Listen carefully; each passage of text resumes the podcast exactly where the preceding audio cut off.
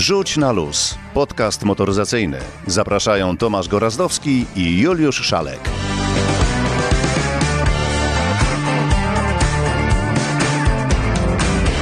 Dobry, dobry wieczór. W końcu nie wiadomo kiedy to pójdzie. To już 61. odcinek podcastu Wrzuć na luz.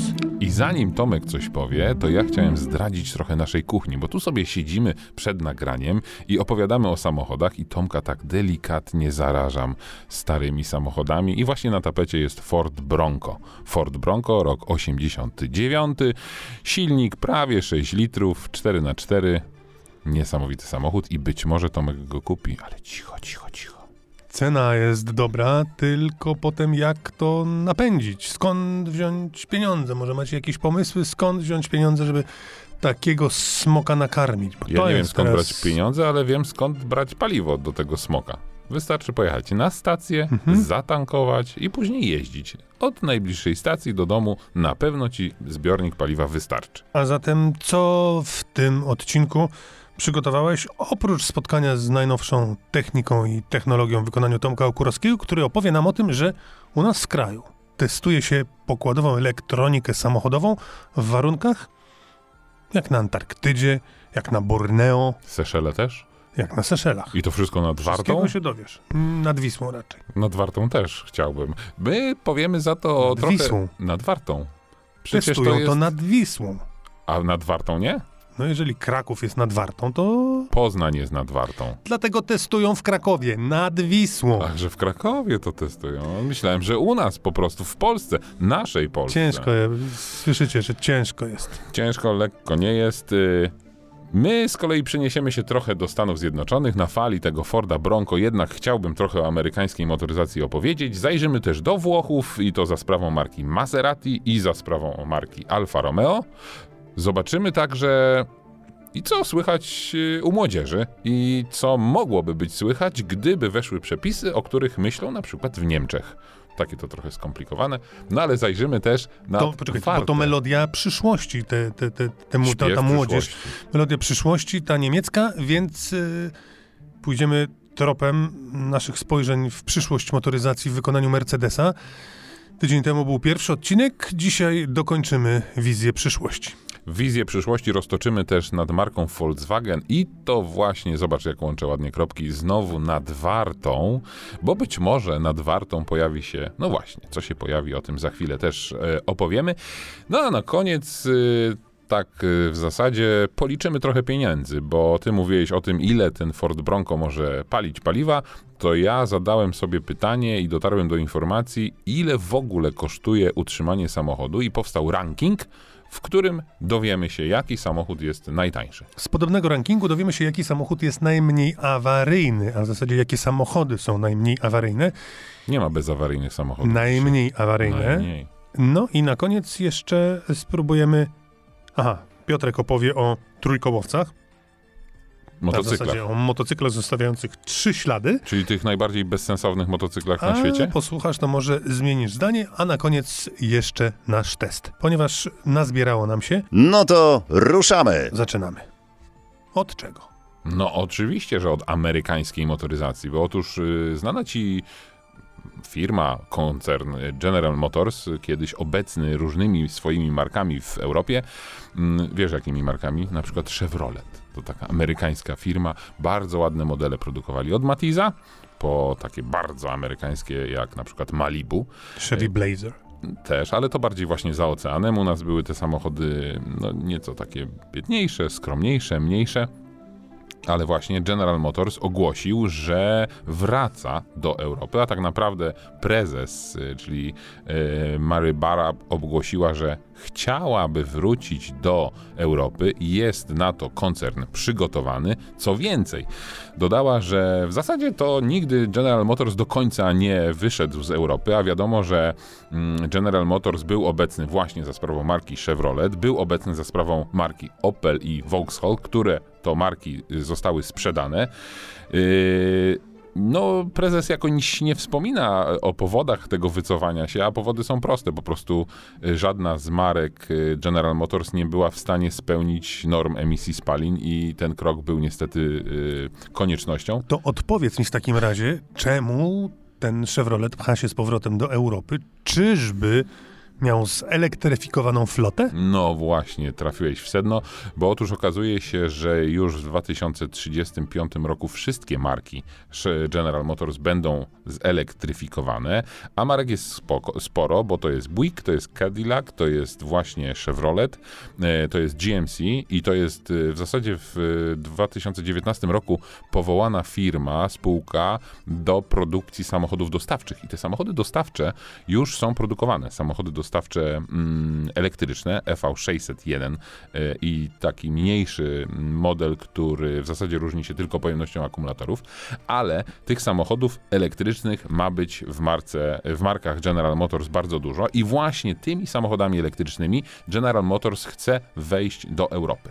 No i teraz możemy sobie zadać pytanie, jakie to samochody będą Yy, obecne tutaj, mogłyby być obecne. Pozwolisz? No bo, a, Jakie proszę. to samochody mogłyby być obecne w takim razie na europejskim rynku? No właśnie, zadajmy sobie to pytanie, bo patrząc na przykład na modele Buicka, patrząc na przykład na modele Chevroleta, to już teraz gdzieś tam są samochody elektryczne w portfolio tej marki, ale no przecież mówimy tutaj o perspektywie kilku lat, więc tak naprawdę te samochody, które dzisiaj General Motors ma e, elektryczne, nie wjadą tutaj do Europy, bo będą raz, że przestarzałe, e, dwa, już pewnie doczekają się kolejnych generacji, więc tak naprawdę mówimy tutaj o luksusowych, by nie powiedzieć z segmentu premium e, markach, no a taką marką jest bez wątpienia Cadillac. I Cadillac już teraz możemy sobie takie auto zobaczyć. Po prostu to są dwa zupełnie nowe modele: Lyric i Celestiq. To są dwa potężne suwy. E, Lyric jest tym mniejszym, e, Celestiq to jest ten większy samochód. One tak naprawdę są zapowiedziane na nawet nie przyszły rok, tylko jeszcze gdzieś 2026 rok. E, potężne samochody, bardzo podążające za trendami, które są już teraz obecne, czyli to nie są ani suwy, to nie są ani limuzyny, to jest połączenie właśnie suwa z taką limuzyną, więc naprawdę gabaryty iście amerykańskie. Zasięgi również, bo tam akumulatory są ponad 100 kWh czyli naprawdę to jest potężnej e, wielkości akumulator, co sugeruje, że ten samochód będzie też e, spory. No i to jest na pewno jeden z tych samochodów, z którymi GM mógłby tutaj w Polsce powalczyć, ale przecież nie możemy zapomnieć, że Chevrolet też będzie elektryczny, będzie elektryczny e, Volt. pick-up. Nie, będzie elektryczny Suburban i będzie taki samochód, który nazywa się Equinox i będzie też. Silverado. No, widzisz. Chociaż elektryczne Silverado. Dobra, ale, Ale jeszcze muszę jak będzie wyglądał tak jak nieelektryczny Silverado, to ja w to wchodzę. No ale też trzeba pamiętać, że korwetta, która cały czas jest właśnie dostępna w Europie i właśnie o tym mówiła pani prezes, y, twierdząc, że przecież tak naprawdę General Motors do końca z tej Europy nie wyszedł. No fakt, bo korwetę niektórzy dealerzy sprzedają. y, No to jest takie w Polsce przynajmniej to jest jako prywatny import traktowany, ale właśnie kolejna generacja y, korwety, o czym mówiliśmy, y, będzie elektryczna i będzie ona też dostępna w Europie. Kto wie, kto wie, może w oficjalnej sieci sprzedaży. Dobrze, to teraz zejdźmy trochę na ziemię, a w zasadzie znowu odbijmy się gdzieś tam w chmury i obłoki i wydajmy trochę pieniędzy. Co ty na to? Najdroższy samochód świata. No właśnie, no to pytanie, i jak myślisz, ile kosztuje najdroższy samochód świata? Możesz mnie nie pytać, bo wiem ile kosztuje. Ach, najdroższy jest, no widzisz, no już dotarłeś do tej informacji. No Tak. to jak ktoś nie dotarł do tej informacji, to od Sporo. razu mówię. Sporo. I nie jest to żaden Rolls Royce, nie jest to żaden nie wiadomo jaki samochód współczesnie produkowany. Nie, bo te wszystkie po prostu auta są zbyt tanie. Mówimy tutaj o klasycznym Mercedesie 300 SLR, który został stworzony tak naprawdę tylko w dwóch sztukach i jeden z nich właśnie został sprzedany przez y, Mercedesa na prywatnej, prywatnej aukcji. Rzekomo zostało zaproszonych 10 gości, największych kolekcjonerów na całym świecie i oni tłukli się o to auto. Cena 135 milionów euro. Tak, ale zastanawiam się, słuchaj, takich, co to zostali wybrani, wyselekcjonowani, było ich 10 z całego świata i wiadomo było, że dadzą duże pieniądze za taki samochód, to trochę jestem jakby Obraziłeś zawiedziony. się, że ciebie nie zaproszono. To jedno, ale że trochę jestem zawiedziony, że zawiedziony z jednej strony aż 135 milionów euro to kupa pieniędzy, a z drugiej strony zapewne zostali tam zaproszeni tacy, których 130 baniek to nie jest jakaś, no wyobraź sobie, taki, zapraszają takiego Jeffa Bezosa. Jak on ma 130 miliardów, czy tam, nie wiem, 50 miliardów, czy ile on ma, no to co to, to, że to dla jest mało. No tak, tylko musisz... e, Jeżeli ktoś bardzo chce mieć takiego Mercedesa, no to gdzie jest granica? No właśnie się dowiedzieliśmy, gdzie jest granica. No właśnie, bo 135. y, warto sobie zadać pytanie, jakie było poprzednie auto, które y, no, osiągnęło tak naprawdę astronomiczną kwotę. Pozwolisz? Jakie to było auto, które osiągnęło tą astronomiczną kwotę? To było Ferrari Dino. I to było Ferrari, które zostało sprzedane za, jeśli dobrze pamiętam, nieco tam gdzieś około 50 milionów euro. Więc to jest przepaść. Y, Więc to pokazuje trochę, w którym miejscu jest rynek y, klasycznych samochodów. To nie jest tak duży rynek jak rynek na przykład dzieł sztuki, gdzie ceny różnego rodzaju e, dzieł sztuki no, osiągają astronomiczne ceny. Tutaj tą cenę mamy wywindowaną do 135 milionów e, euro, czyli jak lekko licząc jakieś ponad 600 milionów złotych. Mm, takich perełek, takich samochodów, które mogłyby osiągnąć takie kwoty też nie jest za dużo, bo to są Nie ma żadnego, powiem więcej. No, Skoro ten był rekordowy. A tak. gdzie jest drugi egzemplarz? w muzeum. Wszyscy tak twierdzą, chociaż no, to nie jest do końca potwierdzone, ale ten, który został sprzedany, jest oczywiście certyfikowany i, i to jest autentyk. To jest samochód z 56 roku, e, nazwany na cześć oczywiście twórcy tego samochodu. Tutaj wszystko się zgadza. yy, tak naprawdę, yy, yy, tak naprawdę ten samochód no, no, no, ma wszystkie możliwe certyfikaty autentyczności, jakie mieć, mieć powinien. Pomyliłem się, to nie było Wystarczyłby. Ferrari Dino, tylko to było Ferrari 250 GTO, bo teraz szybko sprawdziłem, to nie jest tajemnica. Wystarczyłby chyba jeden na dobry certyfikat od Mercedesa, że jest to. No tak, tylko wiesz, w tego typu samochodach y, taki certyfikat y, poświadczający choćby jakiekolwiek naprawy przy tym samochodzie y, podbija jego cenę i no to są naprawdę samochody, przy których bo trzeba sobie też y, zdać sprawę, że albo mówimy o samochodach, które są kompletnie odrestaurowane, albo mówimy o samochodach, które są faktycznie zachowane w takim stanie, y, jakim były, w, opuściły drzwi fabryki. To jest samochód odrestaurowany, no bo y, on co prawda był cały czas w użytkowaniu i on był sprawny, to nie jest jakiś, y, jakieś znalezisko garażowe i wyciągnięte z krzaków, ale, ale jednak jest to samochód odrestaurowany. Więc zależy kto oczywiście co lubi, to trochę tak jak przy tym przypadku tych dzieł sztuki. Mm, Można też y, jakby atrakcyjność tego samochodu podnosi fakt, że to jest samochód służbowy twórcy tego auta, e, czyli z końcówki lat 50. E, To był Rudolf Uhlenhaut, jeśli dobrze wymawiam nazwisko. To jest też smaczek w tym całym, że to jest po prostu samochód, którym ten facet jeździł. Inżynier, który jeździł, a wiadomo skąd się y, wzięły te samochody sportowe Mercedesa po tragicznych wydarzeniach, y, gdzie doszło do dużej tragedii na, y, na torach wyścigowych. Wtedy Mercedes wycofał się z motorsportu, ale gdzieś te emocje sportowe i gdzieś ta chęć rywalizacji zawsze była, więc stąd powstał właśnie taki y, samochód. Dlaczego mi machasz ręką? Chciałem powiedzieć, jaki tam silnik jest, w ogóle o tym nie powiedzieliśmy. Dobrze, powiedz. 3 litry, 311 koni. Jak na samochód z 56 roku, jak na takie małe auto, to była moc niewyobrażalna jak na ówczesne czasy. Który to był rok? 56. 1956. To teraz, łącząc kropki i zostając przy y, marce z gwiazdą, przenieśmy się na przykład do roku 2054. Mówiliśmy już, jak będzie wyglądała motoryzacja, jaka może być przyszłość motoryzacji zdaniem Mercedesa. No to zostańmy i kontynuujmy temat. Tomasz Mucha. Ten F-015, który był pokazany tarwa, na targach w Las Vegas w 2015 roku, skoro tak dawno był pokazany, to znaczy, że zaprojektowany był dużo, dużo, dużo wcześniej. Czy wiesz, kiedy on był zaprojektowany? E, Producent rzeczywiście nie podał akurat przy tym koncepcie, jak, jak to dokładnie wyglądało czasowo. My z kolei mamy informację o jednym z ostatnich konceptów, który pokazaliśmy w tym roku na tychże samych targach elektroniki użytkowej w styczniu 22. To jest koncept car EQXX, że dzisiaj e, cyfrowe e, wspomaganie projektowa- cyklu pro- projektowania pozwala kilkanaście miesięcy za, zaprojektować taki samochód zupełnie od zera. E, Ten samochód, no tak jak powiedziałem, nie mamy tutaj timingu, jak, jak długo był ten projekt rozwijany.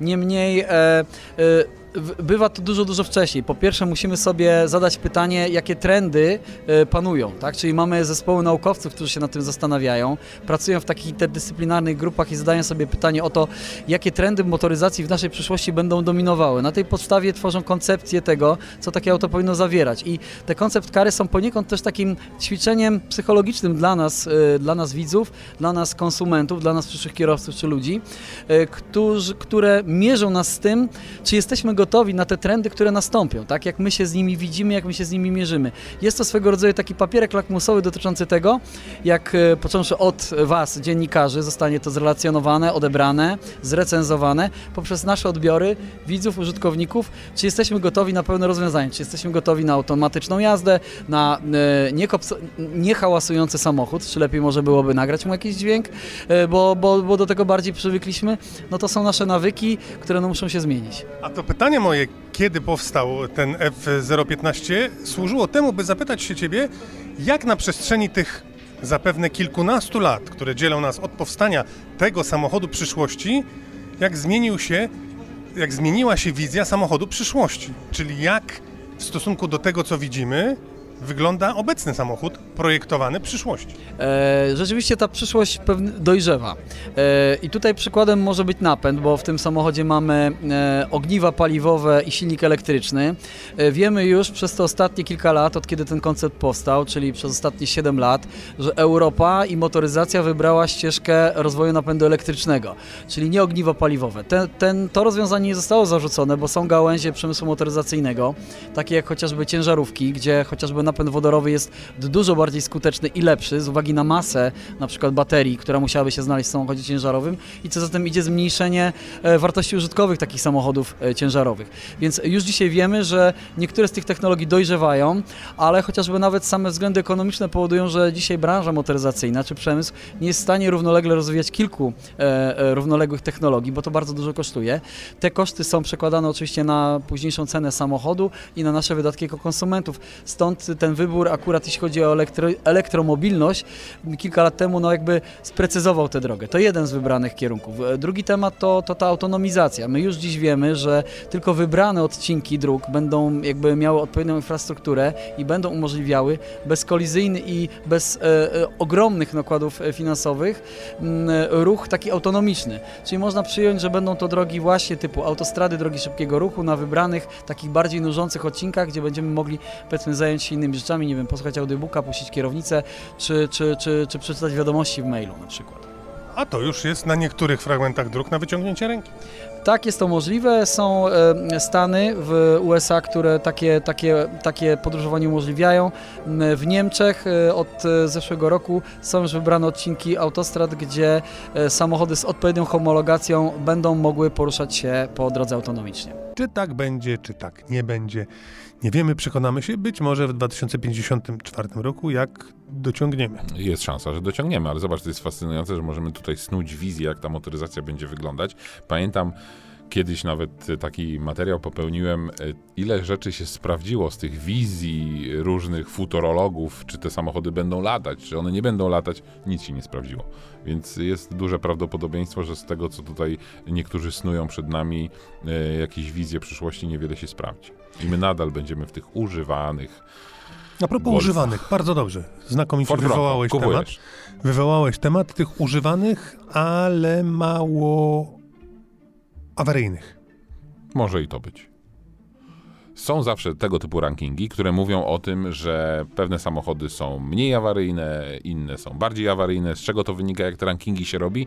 Są różne metody na to. Niemcy słyną z tego, że na przykład y, takie Sprawdzają stowarzyszenie, jak na przykład taki niemiecki PZ Mod, który również udziela pomocy i działa po prostu jako asystans, bada wszystkie i raportuje wszystkie wezwania do samochodów i oczywiście bada przyczyny tych samochodów. ADAC. ADAC i tam co roku tak naprawdę mamy listę samochodów, które są najbardziej y, awaryjne, ale też wszyscy się chwalą tym, że tymi samochodami, które są najmniej awaryjne. Po prostu producenci niektórych marek nie pozwalają dzwonić, jak się coś Tak, zepsuje. oczywiście bardzo fajnie jest podać te e, samochody, które jakby najczęściej się psują. Ja bym chciał powiedzieć jedno, bo tam z reguły są samochody w różnych, Renault.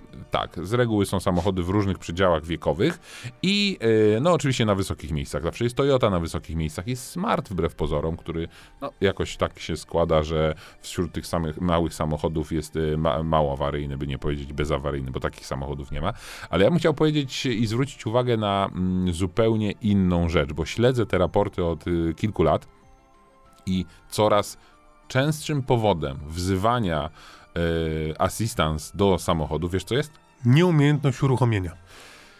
Nie tyle nieumiejętność uruchomienia, co niemożność uruchomienia samochodu związana z Brakiem kluczyka. brakiem paliwa to raz, a dwa brakiem prądu. I to jest powód, który naprawdę od wielu lat powtarza się i staje się dużym problemem dla. Yy, no właśnie, bo nie dla firm, bo taka firma zawsze może powiedzieć, że przecież prądu zabrakło, a to jest kwestia tylko akumulatora. I te mm, usterki da się naprawić na miejscu u klienta, że tak się wyrażę. Więc no to nie są też takie awarie, które unieruchamiają samochód i po prostu jedyne co to jest laweta i warsztat. No ale widzisz, nie ma rankingów jednoznacznie doskonałych. Każde obarczone są pewnego rodzaju e, błędami, wadami, no i to jest jedna z nich. To prawda, ale mamy też inny ranking, który wydaje mi się, że w dzisiejszej sytuacji jest bardzo ciekawy, bo to jest ranking, który mówi nam, y, jakie samochody są najtańsze w eksploatacji. I tym też zajął się ADAC, y, czyli taki niemiecki PZ-mod. I możemy sobie zadać pytanie, jeśli szukamy samochodu na przykład i chcemy kupić takie auto, czy używane, czy nowe, Panie Juliuszu, jaki samochód jest mm, jak tam najtańszy w używaniu? No, No, najtańszy w używany. Za, zakładając, bo tutaj jakby trzeba przyjąć jakieś y, graniczne warunki. Zakładając, że mamy samochód na 5 lat i kupujemy to auto i zakładamy przebieg 15 tysięcy kilometrów rocznie, no to właśnie, no to jakie byś powiedział, że jest auto, które jest y, najtańsze w utrzymaniu? I tutaj dodam, bo to nie tylko chodzi o cenę zakupu, to nie tylko chodzi o koszty serwisowania, ale to chodzi także o koszty na przykład zakupu opon. To chodzi także o wszystkie koszty dodatkowe związane z samochodem, czyli TCO, czyli Total Cost of Ownership. Takie mądre słowo jest. To Dobrze, zostało uwaga. przeliczone, uwaga, strzelasz, Strzelam. no, Kia. jaka? Nie wiem jaka. Ogól, ogólnie Kia, bo biorę sobie, myślę sobie ile to kosztuje, jak bardzo jest bezawaryjne. No.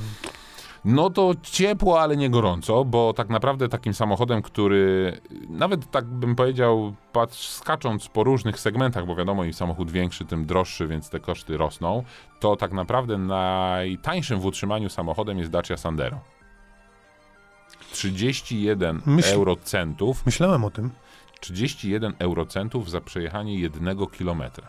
Myślałem o tym, bo Dacia jest tania, ale wydawało mi się, że często ją trzeba naprawiać, w związku z tym koszty będą rosły. A widzisz, tutaj byłeś w błędzie, bo Kia Picanto jest oczywiście w czubie. Kia Picanto y, to, jest, to są 34 eurocenty. Y, no i też nie jest tajemnicą, że właśnie małe samochody, czyli Hyundai i10, czyli nawet Fiat Panda, czyli Toyota Aygo, czy Suzuki Ignis, to są samochody, które no, różnice są niewielkie, bo to jest między 34 eurocenty a 37 eurocentów.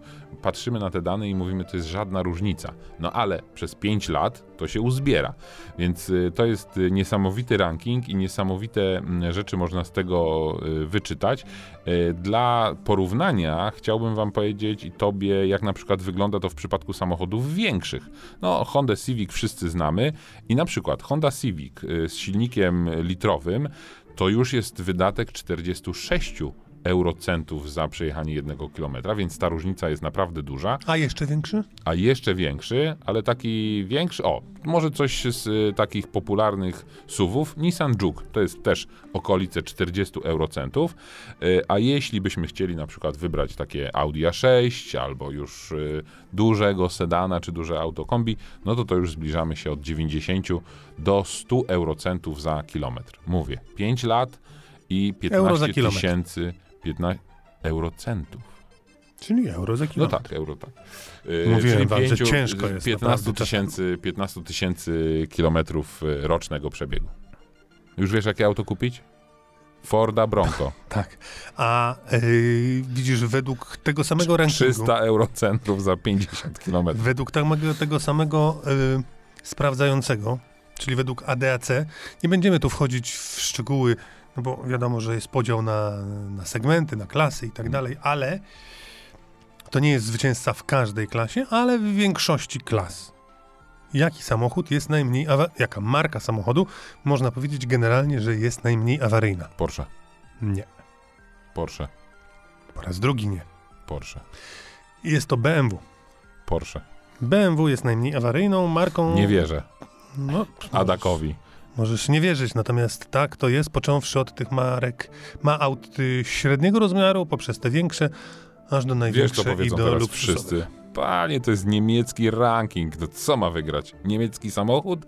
No i wygrywa BMW, proszę bardzo. Ale i tak Porsche jest zawsze w czubie. To teraz szybko skoczymy do...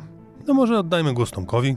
Może niech powie teraz o, o tym, Nadwarte? jak się, no właśnie, jak się testuje, jak się sprawdza i tak dalej, czyli technika i technologia. Włącz, wyłącz, zresetuj. O technice Tomasz Okurowski. Jak testuje się asystentów wspomagających kierowcę? Zapewne e, część z Was kojarzy takie charakterystyczne filmy w sieci, e, gdzie można zobaczyć między innymi systemy, które pomagają nam uniknąć kolizji, czyli innymi słowy tak zwane układy rozpoznające obiekty wokół samochodu, czyli chociażby na przykład rozpoznające pieszych, inne pojazdy czy rowerzystów e, i aktywujące hamowanie, czy tam właściwie awaryjne hamowanie po to, żeby uniknąć zderzenia. No, tyle teorii. Otóż okazuje się, że w Polsce jest takie miejsce, gdzie dokonuje się testów tego typu systemów. E, Miałem okazję niedawno odwiedzić e, ośrodek e, firmy Aptiv, a jeżeli ktoś jeszcze pamięta odrobinę historii, to to jest dawne Delphi, teraz to jest firma Aptiv i to jedna z nielicznych firm, która może się poszczycić w naszym kraju takim właśnie torem wykorzystywanym nie tylko do badania układów asystujących kierowcę w znaczeniu takim, że chroniące nas na przykład przed kolizją e, z innymi uczestnikami ruchu, ale na przykład także takie układy jak e, przede wszystkim asystent pasa ruchu, czy ewentualnie ostrzeganie o przekroczeniu linii wymalowanych na jezdni, no bo e, okazuje się, że asystent pasa ruchu może być też traktowany jako nic innego, jak po prostu układ centrujący pomiędzy liniami. Takich ciekawostek w Krakowie, w krakowskim ośrodku Aptiv jest więcej. Część z nich, muszę przyznać, że była dla mnie wyjątkową niespodzianką. No bo wyobraźcie sobie, do czego może służyć platforma umieszczona na małym placyku tuż obok toru testowego. Okazuje się, że ta platforma służy do tego, żeby na przykład sprawdzać, czy prawidłowo działa, uwaga, układ tak zwanego bezprzewodowego kluczyka, innymi słowy, po prostu e, pilot rozpoznający, czy ewentualnie inaczej, układ rozpoznający pilot czy kluczyk taki bezprzewodowy, który trzymamy w kieszeni. Żeby sprawdzić, czy układ w samochodzie właściwie rozpoznaje to, co mamy w kieszeni, nie trzeba chodzić dookoła samochodu. Wystarczy tylko umieścić kluczyki aparaturę badawczą na zewnątrz auta, autem e, podjechać na platformę. Ta platforma będzie się obracać, dzięki czemu praktycznie można bardzo szybko sprawdzić, jak zachowuje się układ rozpoznający kluczyk. Czy wiecie, w jaki sposób na przykład testuje się odporność e, takich elementów, jak na przykład EQ, czyli innymi słowy, taki komputer sterujący właściwie nie tylko silnikiem, ale już teraz całym samochodem. Znajduje się mnóstwo urządzeń, które przypominają takie trochę wielkie lodówki. To są nic innego jak takie specjalne komory, w których, uwaga, można symulować praktycznie warunki panujące w różnych zakątkach świata. Można odwzorować warunki zimowe, czyli mamy mróz sięgający nawet po już jak gdyby poniżej 30 stopni Celsjusza. Można także odwzorować takie naprawdę trudne do zniesienia upały, czyli plus 40 to mało, jest jeszcze więcej. I takie komory służą do tego, żeby można, to oczywiście jeszcze w tych komorach reguluje się na przykład nie tylko temperatura i poziom wilgotności. Dzięki temu, nie ruszając się z Krakowa, można sprawdzić, jak elektronika będzie sobie, sobie radzić, na przykład nie tylko na Syberii podczas e, zimy, ale na przykład e, gdzieś daleko w Azji, gdzie wiosna czy lato daje naprawdę w kość, a poziom wilgotności powietrza jest taki, że właściwie opuszczając klimatyzowane pomieszczenie w ciągu dwóch sekund macie wrażenie, jakbyście wyszli prosto spod prysznica. Okazuje się, że nie ruszając się z tego ośrodka w Krakowie, można sprawdzić coś jeszcze. Można sprawdzić, jak pokładowa elektronika, uwaga, radzi sobie na przykład ze wstrząsami. Jest to o, odwzorowanie tego, z czym na przykład zmaga się zawieszenie samochodu na nawet najgorszych drogach świata. Czyli właściwie w, wstawia się taki na przykład komputer stojący, wstawia się nawet radio samochodowe na urządzenie, które nazywa się wzbudnikiem i praktycznie jego zadaniem jest e, generowanie takich drgań, aby, uwaga, w ciągu dosłownie kilku dni odwzorować, uwaga, przebieg samochodu sięgający nawet 300 tysięcy kilometrów w kilka dni. Imponujące. Miałem też okazję zobaczyć, z jaką wagą niektórzy producenci samochodów e, podchodzą do wykonania określonych elementów, przede wszystkim do kontroli, jak te elementy będą sobie radziły w trakcie takiej normalnej e, eksploatacji. Otóż jedna z europejskich firm, i wcale nie niemieckich, zleciła w Krakowie badania m.in. tego, żeby sprawdzić, czy klawisze sterujące układem wentylacji, czy innymi funkcjami samochodu, po pierwsze, wydają właściwy dźwięk, po drugie, czy zastosowany specjalny lakier nie zużywa się zbyt szybko i czy to wszystko pracuje na tyle dobrze, żeby na przykład znieść eksploatację przez dziesiątki tysięcy kilometrów, praktycznie kilka dni w laboratorium, ma odwzorować to, z czym my zmagamy się przez 5, 6, 8, 10 czy 15 lat eksploatacji samochodu. W Krakowie także mogłem zobaczyć, uwaga, jak sprawdza się tak zwaną kompatybilność elektromagnetyczną. Co to oznacza? Ano oznacza tyle, że w specjalnej komorze, która trochę przypomina komorę bezachową, a tak naprawdę jest to komora e, przeznaczona specjalnie do tego, żeby odcinać się od światła, od świata zewnętrznego, jeżeli chodzi o wszelkiego rodzaju fale radiowe. W praktyce oznacza to między innymi tyle, że uwaga, w takiej komorze do testów elektromagnetycznych nasz telefon z pewnością z niczym się nie połączy. Otóż w tych komorach sprawdza się między innymi to, czy uwaga, czy na przykład włączenie określonej funkcji w radiu samochodowym nie spowoduje zakłóceń, które na przykład mogą zaowocować, uwaga, włączeniem wycieraczek albo, nie wiem, aktywacją świateł awaryjnych. A po co takie testy? Ano po to, że we współczesnych samochodach tej elektroniki jest już na tyle dużo, że ryzyko tego, że poszczególne urządzenia mogą się wzajemnie zakłócać, jest mimo wszystko bardzo duże. Użyłem słowa mimo wszystko, dlatego że teoretycznie wszystkie poszczególne komponenty powinny spełniać ściśle narzucone normy. Ale nawet mimo ścisłego przestrzegania norm, zawsze może się zdarzyć coś, co w slangu nazywa się sianiem, czyli włączasz radio, zmieniasz utwór, a tu nagle okazuje się, że włączają ci się wycieraczki i przy okazji ogrzewanie fotela. A im nowocześniejszy samochód, tym potencjalne ryzyko wzajemnych zakłóceń rośnie i to naprawdę w zastraszającym tempie. No widzisz, jesteśmy w czymś najwyraźniej Najlepsi? Dobrze. Polska No, mistrzem no. Polski? Najlepsi może niekoniecznie, pewnie, ale, no, ale jesteśmy w czubie. Zazdroszczę trochę tym różnym krajom europejskim, które gdzieś tam mają ośrodki badawcze różnych marek, bo zawsze to jest fascynujące, jak możesz zobaczyć takie auto oklejone mm, tak, żeby nie rozpoznać oczywiście, co to jest za marka, a tym bardziej, co to jest za model, a tym bardziej, jakie zmiany y, w y, wersji, do wersji y, aktualnie sprzedawanej są w tym samochodzie szykowane, a takich centrów jest sporo w Niemczech, no w zasadzie we wszystkich krajach. U nas czasami też firmy testują te samochody, no bo chyba nie jest tajemnicą i Mhm. doskonale nasi czytelnicy wiedzą, że te wszystkie samochody tak naprawdę są poddawane jeszcze nie tylko wirtualnym testom. Nasi czytelnicy Nasi słuchacze. wiedzą to najlepiej, e, zapewniam. Nasi słuchacze. Mówię wam, nie jest e, łatwo, no. Wrzuć na luz, wyluzuj. To teraz widzisz, ja muszę tutaj trzymać rękę na pulsie, widzę jak czas płynie, a tu jeszcze temat taki, taki, taki. Więc y, wybiegnijmy w przyszłość znowu. Co z tymi? No może być, ale chciałem cię zapytać o ty, coś ty wymyślił, a w zasadzie co Niemcy wymyślili z tą jakąś młodzieżą na tiry, na tory, o co chodzi? No, Niemcy tutaj zaczynają tak być pomysłowi jak Francuzi troszeczkę. Otóż zobacz, okazuje się, że jest w Europie problem z kierowcami ciężarówek, prawda? Tak. No więc co zrobić? Skąd ich zatrudnić? Nie ma skąd. Więc co można zrobić? Młodzież wpuścić do tirów, do ciężarówek właśnie, bo nie powinno się mówić tir, bo to, to nie jest nazwa.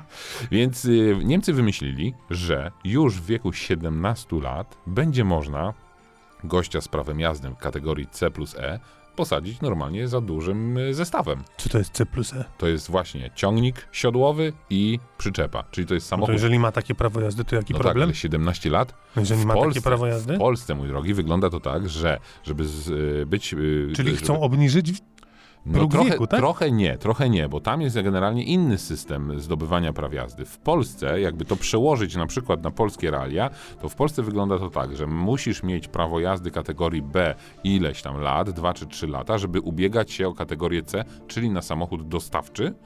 Y, No możesz sobie oczywiście robić E, czyli przyczepę do samochodu dostawczego. Czyli y, tak naprawdę możesz mieć najmniej 21 lat, żeby prowadzić y, właśnie taki zestaw y, dużego samochodu ciężarowego, czyli popularnie nazywanego tira. Przechodziłem tę drogę i wiem też z własnego doświadczenia, że ten system szkoleń nie jest do końca idealny, bo robiąc prawo jazdy na C plus E później z przyczepą, to tak naprawdę nie jeździsz na kursie i na egzaminie y, dużym zestawem. Jeździsz takim sam, taki staromanem, to się mówi, czyli to jest taki man w wielkości stara troszeczkę. Więc to jest zdecydowanie mniejszy samochód. Zdobywasz takie prawo jazdy w wieku 21 lat, bach, możesz wsiąść do takiego naprawdę dużego zesta- zestawu. I co w tych Niemczech, człowieku? 17 lat i y, dzieci mogą jeździć. Y, nie wiem, czy może wymaga byłoby to zgody rodziców. No bo 17 lat to nie, jest jeszcze, nie jesteś jeszcze pełnoletni. Więc 17 lat. Niemcy chcą, żeby w wieku 17 lat kierowcą y, ciężarówki dużej mógł zostać y, no właśnie taki młody człowiek. Albo U nas będą- to nie przejdzie. Albo będą mieli dużo wypadków, albo jak to Niemcy sprawdzili i okazali się, że taki 17, 17-latek za kierownicą, Trzeźwość umysłu, myślisz? Stawiasz na trzeźwość umysłu? no bardziej na trzeźwość bym postawił, bo to też jest ważne w przypadku... Słuchaj, oczywiście to możemy się tutaj śmiać, ale wszystko zależy od Pomysł systemu jest. szkoleń. Pomysł Pomysł jest. jest. tak samo jak pomysł, o którym mówiliśmy, czyli 35-metrowych samochodów ciężarowych. To teraz, proszę bardzo, spokojnie możemy przejść do Maserati i zaraz cię pociągnę mm, za język o Alfę. Ach, no to najpierw Maserati. Proszę. MC20 i teraz mówię po polsku. Cielo. tak się będzie nazywać samochód, który jest idealny w, o tej porze roku, czyli po prostu kabriolet. E, Kabriolet, który no... Chciałem przypomnieć, że w Warszawie było rano dzisiaj 10 stopni. No i co? No to się... Zapytaj e, kabriolet kogoś z świetnie. Wielkiej Brytanii. Tam jest e, oczywiście kabriolet samochodem najbardziej pożądanym i pogoda deszczowa im w tym nie przeszkadza oczywiście.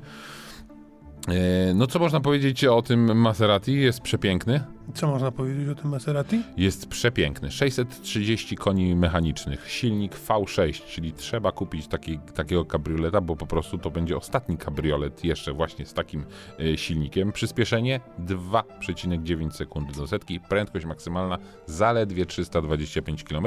Mówię zaledwie, bo czasami mówimy tutaj o samochodach zdecydowanie szybszych. Szybki jest. Producent nie podaje, Szybki jest. czy to jest prędkość, którą można jechać z otwartym dachem. 2,9 do paki. 2,9,9, no, wyobrażasz sobie? Ale są samochody szybsze i jeśli mogę jeszcze tutaj poruszyć taki temat, o którym w ogóle nie mówiliśmy, ma, ma, kiwasz głową, że nie można, nie? Że samochody elektryczne, ten to jest spalinowy, ale samochody elektryczne, które będzie produkować Bentley, będą przyspieszały jeszcze w krótszym czasie, to jest y, poniżej dwóch sekund i słuchaj, będzie tam specjalny przycisk, który będzie jakby... Katapultował cię. No właśnie nie, będzie obniżał te osiągi, żebyś po prostu nie zemdlał przy tym przyspieszaniu. Wyobrażasz sobie? Nie guzik z turbo, tylko guzik z Antyturbo. antyturbo. To jest Taka dobre. To jest I motoryzacja. tym się powinniśmy zająć w przyszłym tygodniu, podobnie jak akumulatorami. Ale to już za tydzień. A i tak mnie Bo- Tomek tutaj wyrolował. Teraz oddajmy głos na koniec prawie Piotrkowi, no bo przecież motocykle. Motocykle, ważna gałąź. Lewa w górę. Bary o motocyklach. Coraz częściej mamy do czynienia z czymś, co nie do końca jest dwuśladem, takim w, jak znamy z samochodów, tylko takim półtora śladem. Mówię o motocyklach, które z przodu mają dwa koła. Tak, w zasadzie to zostawiają za sobą trzy ślady, bo no, nie mówimy tutaj o trajkach oczywiście, tak jak powiedziałeś, które z przodu mają dwa koła. Tak, ja właśnie o takich sprzętach chciałem dziś porozmawiać. Oczywiście czym innym są typowe trajki, czyli takie motocykle, gdzie mamy z tyłu dwa koła, z przodu jedno, to przednie koło jest skrętne, no i takie motocykle znamy już od lat, tam jest silnik z tyłu zamontowany. Wielkie, niezbyt poręczne, na pewno nie da się tym przyciskać w korku między samochodami, ale Od jakiegoś czasu na rynku pojawiły się też e, na ogół skutery, jest również e, jeden motocykl Yamaha Niken, natomiast na ogół skutery, które mają dwa koła z przodu, dość wąsko rozstawione i jedno koło z tyłu.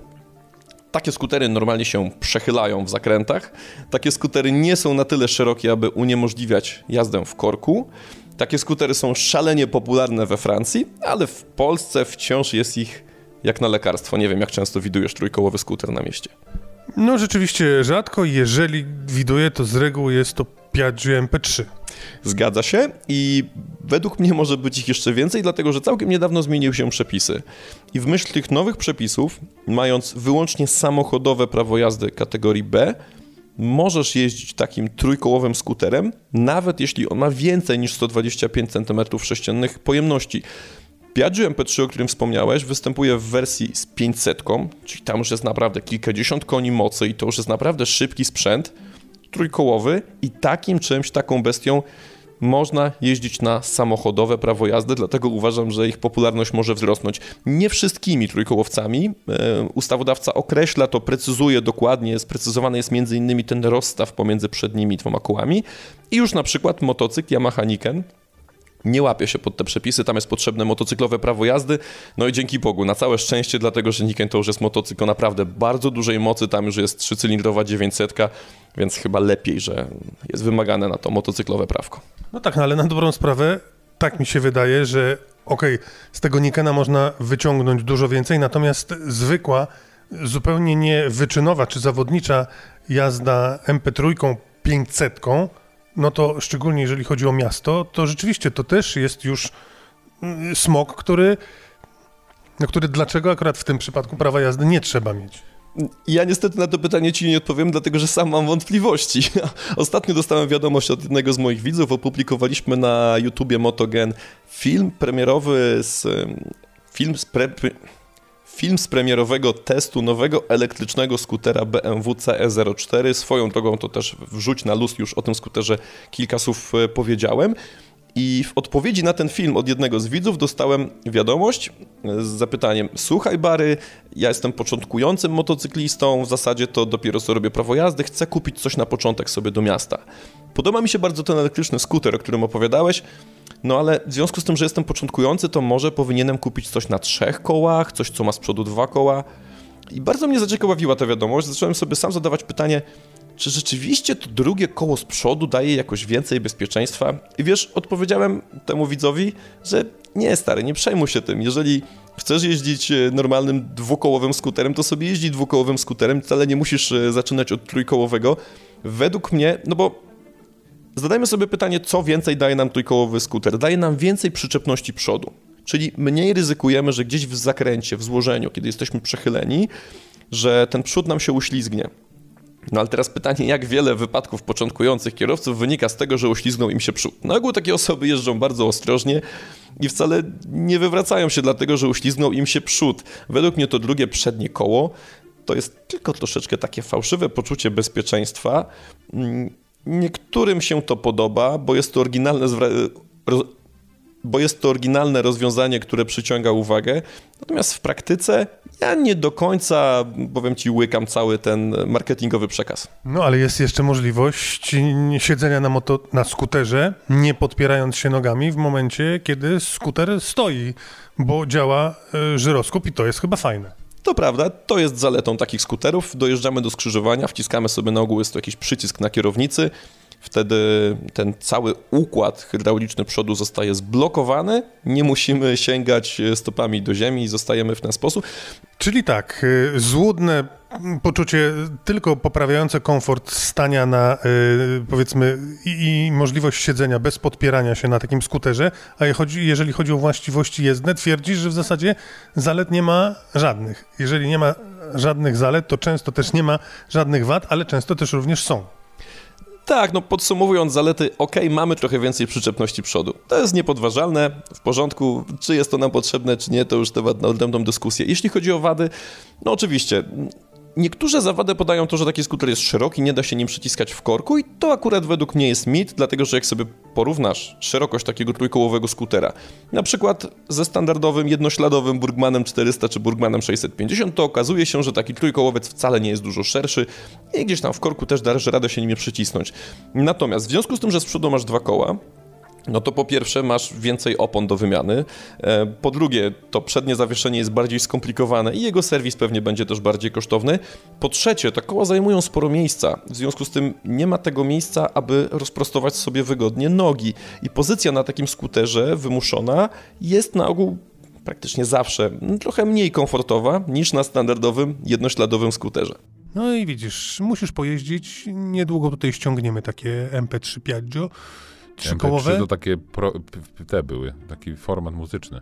No nadal jest. Y, zobaczysz i Ja bym chciał tutaj przekonasz w- się. wniosek formalny. Wniosek formalny chciałbym jeszcze o Alfie powiedzieć, bo to jest bardzo elektryzująca informacja, y, więc szybko naprawdę o Alfie powiem, bo Alfa ma plany rozwoju. No, Giulia jest już może starym samochodem, ale wiesz, że Włosi wymyślili, że będą produkować i to już najpewniej w 2026, przynajmniej tak mówią plotki, zupełnie nowy model. I jakbyś dzisiaj był prezesem y, Alfy Romeo, co byś y, zaordynował? Jakiego rodzaju to by miał być samochód? SUV. Haha, ty się tam znasz. Prezes Alfa Romeo, rzekomo, bo powtarzam, to są plotki, chciałby i chce, a jak prezes chce, to znaczy, że tak będzie, yy, no, generalnie zaordynował, że Alfa Romeo wróci do takiej nazwy jak Alfetta, tylko nie będzie to mała Alfa, tak jak kiedyś historycznie, tylko będzie to duży sedan z napędem na tylnych kołach. Gratulujemy pomysłu, Gratulujemy. czekamy na auto, bo na pewno będzie piękne No, niekoniecznie i wcale. nikt go nie kupi. Zobaczymy, co z tego wyjdzie, ale skoro ja mówiłem o subach, to i my o suwie powiemy na A koniec. mogę tylko powiedzieć, jak nazywa się prezes Alfa Romeo? No i komu to potrzebne? Jean-Philippe Imperato. O, O, z dobrze, takim nazwiskiem dobrze. można sobie Oczywiście. zażyczyć sedan. To warto było, imperatorze. No to spróbujmy. Nasz test. A w naszym teście dziś o suwie. Słów, Mazda- No, oczywiście. Mazda Jaką? CX-5, hybryda. Nowy. W takim kolorze, w takim kolorze, Zastanawialiśmy się w jakim kolorze. Oliwkowym. nie, to jest taki kolor jakby zabrakło lakieru i został sam podkład. To był kolor oliwkowy, tylko ta oliwka już troszeczkę poleżała w martini. No tak się upierasz nad tym Martini, ale ja to bym powiedział, że no nie, dobra, dobra, tam o kolorze nie ma co Naprawdę, gadać, z kolorów nie ma się co śmiać, bo kolor się albo podoba, albo nie. Ten był taki hmm, awangardowy, bym powiedział, ale ten samochód dobrze się prezentował. Ale i wstawki były ładne. Tak, wstawki były Cytrynowe. cytrynowe. To oznaczało właśnie, że to jest hybryda. To nie jest taka pełnokrwista hybryda, tylko to jest ta miękko, miękka hybryda, więc tego tak naprawdę nie czuć podczas jazdy. I Chociaż- jak patrzymy na wyświetlacz ze zużyciem benzyny, też tego nie czuć. No właśnie, tego nie czuć patrząc na wskazania zużycia paliwa, ale no trzeba powiedzieć, że ten samochód trochę kopa ma.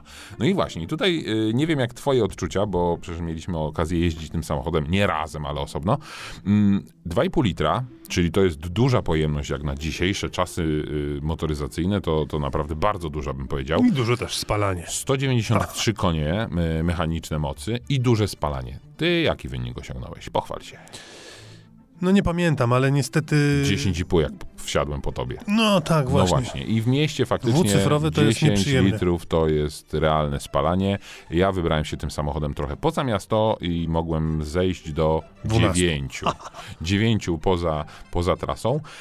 To troszkę boli, no ale tak, no z jednej strony mamy 2,5-litrowy motor, niby mamy co 193 konie, niby ten samochód się zbiera, ale generalnie nie czuć, że to jest tak naprawdę te, te, te 2,5 litra pojemności. Chociaż fajnie ten samochód odchodził, bo czuć tą pojemność, czuć, że to trochę idzie z płuca. Ta miękka hybryda troszeczkę je po, po, pomaga, więc to przyspieszanie jest, yy, no takie bym powiedział Ale bardzo po czasie, dynamiczne. po czasie. Dynamiczne jest jak już załapie. No właśnie, ale A do momentu kwestia- załapania trochę... To jest kwestia tylko i wyłącznie skrzyni biegów. Zwykły automat sześciobiegowy nie pomaga. Y, Mocno Nie temperuje, zabiera trochę tej mocy, więc to takie połączenie jest y, trochę, y, trochę wątpliwe. No, hybryda, więc jakby stąd obecność automatycznej skrzyni biegów, a nie na przykład manualnej, chociaż mogłoby to być zdecydowanie fajniejsze. Ale powiem, Za to połączenie szóstki nie wystawia. Y, nawet piątki. choć to Mazda CX-5. Ale chciałbym zapytać Ciebie o wrażenia z y, wnętrza, czyli z ergonomii. A tak właśnie, dalej. tu już y, zdecydowanie ja, mnie się podobało. Mnie się podobało, bo pierwsza sprawa, w ogóle ten samochód jest fajnie pomyślany i był tak pomyślany od samego początku. Oczywiście to jest kwestia gustu, ale gabarytowo on jest taki po prostu, jaki powinien być. Ale dla mnie za mały. O No, rozmiar. Jak się ma taki gabaryt jak ty, no, No dla właśnie, będzie za mały, długo, ale długo się zastanawiałem nad tym. I powiem ci, że tak, to, to nie jest mały SUV, bo przecież Mazda to mówi ma gość, który ma Fiata 500. I bym zaryzykował stwierdzenie, że tam jest całkiem, całkiem sporo miejsca w tym Fiacie 500, ale nie, obiektywnie patrząc, no bo tak, mamy Mazdę CX-3, to jest najmniejszy SUV, mamy, mamy Mazdę CX-5, yy, mamy... Jeszcze jest CX-30. kochany. No tak, no tak, ale mówię o tych SUVach takich, takich yy, yy, klasycznych.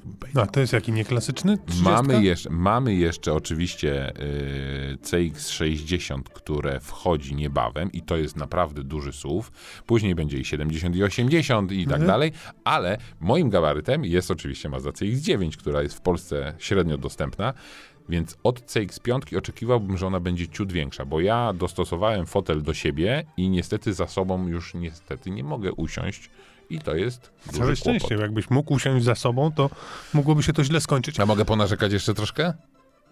Chociaż Mm. nie, to nie będzie w No dobrze, ale w kategorii środku jest narzekania. fajnie, ładnie. Nie, bardzo ładnie, Masz bardzo ma, te materiały są fajne, chociaż gdzie nie gdzieś jest ten twardy plastik, ale to mi absolutnie w ogóle nie przeszkadza, bo Było wygodnie, tak fajnie, miło i estetycznie. schowany. Estetycznie bardzo. Czy, I teraz właśnie, a Tylko propos co jest ergonomii. fajniejsze? Co jest fajniejsze? Znaczy estetycznie, czy że dobrze jeździ? Jeździ przyjemnie, w, trochę ta skrzynia mnie denerwuje, ale jeśli chodzi o ergonomię, to, spalanie, tak, to chciałbym, żeby fotel był niżej, y, mógł y, mieć większy zakres regulacji, żeby można było niżej usiąść. I Powiesz, coś, tym- co mnie naprawdę denerwowało. Nie przerywaj mi. Coś, co mnie naprawdę denerwowało. To jest pierwszy samochód, który ma dwa head-up displaye. Czy ty to zauważyłeś? Nie, bo nie jechałeś w nocy. Nie. No widzisz.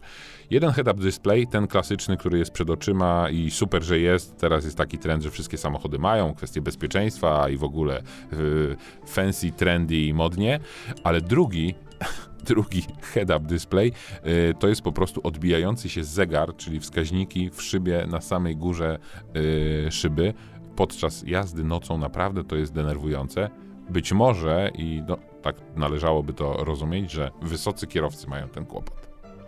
Tak tylko Trzeba było- powiedzieć. Trzeba było nie rosnąć. Widzisz, ja nie miałem z tym problemu. No, bo, bo nie rosłeś.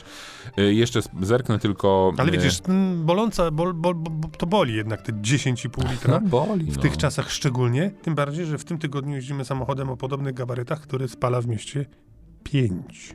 Wiesz co, jeszcze sobie wynotowałem z takich rzeczy, które zwróciły moją uwagę i do których ja nie mówię, że to jest źle czy dobrze, tylko po prostu trzeba się do tego przyzwyczaić. Y, bardzo jasne, bardzo, ale to bardzo jasne światła, reflektory. Y, Chyba dobrze. No z, z jednej strony tak, tylko nawet miałem wrażenie, że jak jechałem w nocy, nie autostradą, tylko taką normalną, zwykłą drogą, jak włączyłem sobie światła drogowe, to odbijające się światła Wszystko od się odbija. znaków po prostu aż mi tam. raziły. I tak samo są bardzo jasne światła w podświetlenia kabiny, te No. takie w podsufitce. No po prostu aż niewiarygodne. Yy, Nie jest łatwo. Nie. No tak, tak to jest. Yy, no i bagażnik, całkiem pojemny, chociaż nie za No bardzo... bagaż- No taki mm, powiedziałbym ani w ten, ani w ten. No standardowy, no co będziemy się tutaj yy, oszukiwać. No yy, nie za mały, nie za duży e, w sam raz. No więc fajny samochód, sympatyczny. Aczkolwiek, czy jeżeli byśmy dysponowali, ile tam trzeba wyskoczyć? No właśnie, i tutaj y, zaczynają się też schody, bo Mazda tania nie jest, tym bardziej, że coraz częściej Mazda mówi, że chce tutaj... y, No właśnie, może dlatego taka jest, No że może chce. taka jest, no ale co? E, e, no, Proszę bardzo, możesz już mieć za 881 zł w racie w leasingu miesięcznie. No, bez ubezpieczenia, bez kół, bez czegoś, bez Oczywiście, czegoś, że bez tak, czegoś. no, Ale nie, myślałem. ile ta cena wyjściowa? 170? Pytałeś o cenę? No to mój drogi, y, taki podstawowy samochód kosztuje 127 tysięcy złotych, ale tutaj mam y, silnik dwulitrowy o mocy 165 koni mechanicznych, a ten, No właśnie. my jeździliśmy, 153. a, a mój drogi, 180 to za mało. Za mało. Za mało. No, niestety tak. Jeśli dołożymy sobie wersję z napędem na cztery koła e, i jeszcze właśnie z tą miękką hybrydą, to powiem tylko, a nie wymieniłeś żadnej nazwy japońskiej dzisiaj. W przypadku Mazdy, widzisz? Nie no, ja czułem się tak, y, zgodnie z filozofią Jim Tai. No właśnie, to zgodnie z filozofią Jinbei, jeźdźca z koniem. no to taka najbardziej dopasiona to powyżej 200 tysięcy. No i To właśnie, boli tak samo jak to spalanie. tak, to prawda. No i tu dochodzimy do punktu, czy mając taki wybór, jaki jest, czy wydać te 200 tysięcy właśnie na to. Rynek nas o tym wkrótce poinformuje, podobnie jak my poinformujemy was, że za tydzień będzie to już 62 odcinek podcastu Wrzuć na luz, co możemy powiedzieć? Możemy jeszcze dodać, że jeśli byście chcieli jakiś fajny kolor i lakier metaliczny do Mazdy dołożyć, to musicie dołożyć 2900 złotych.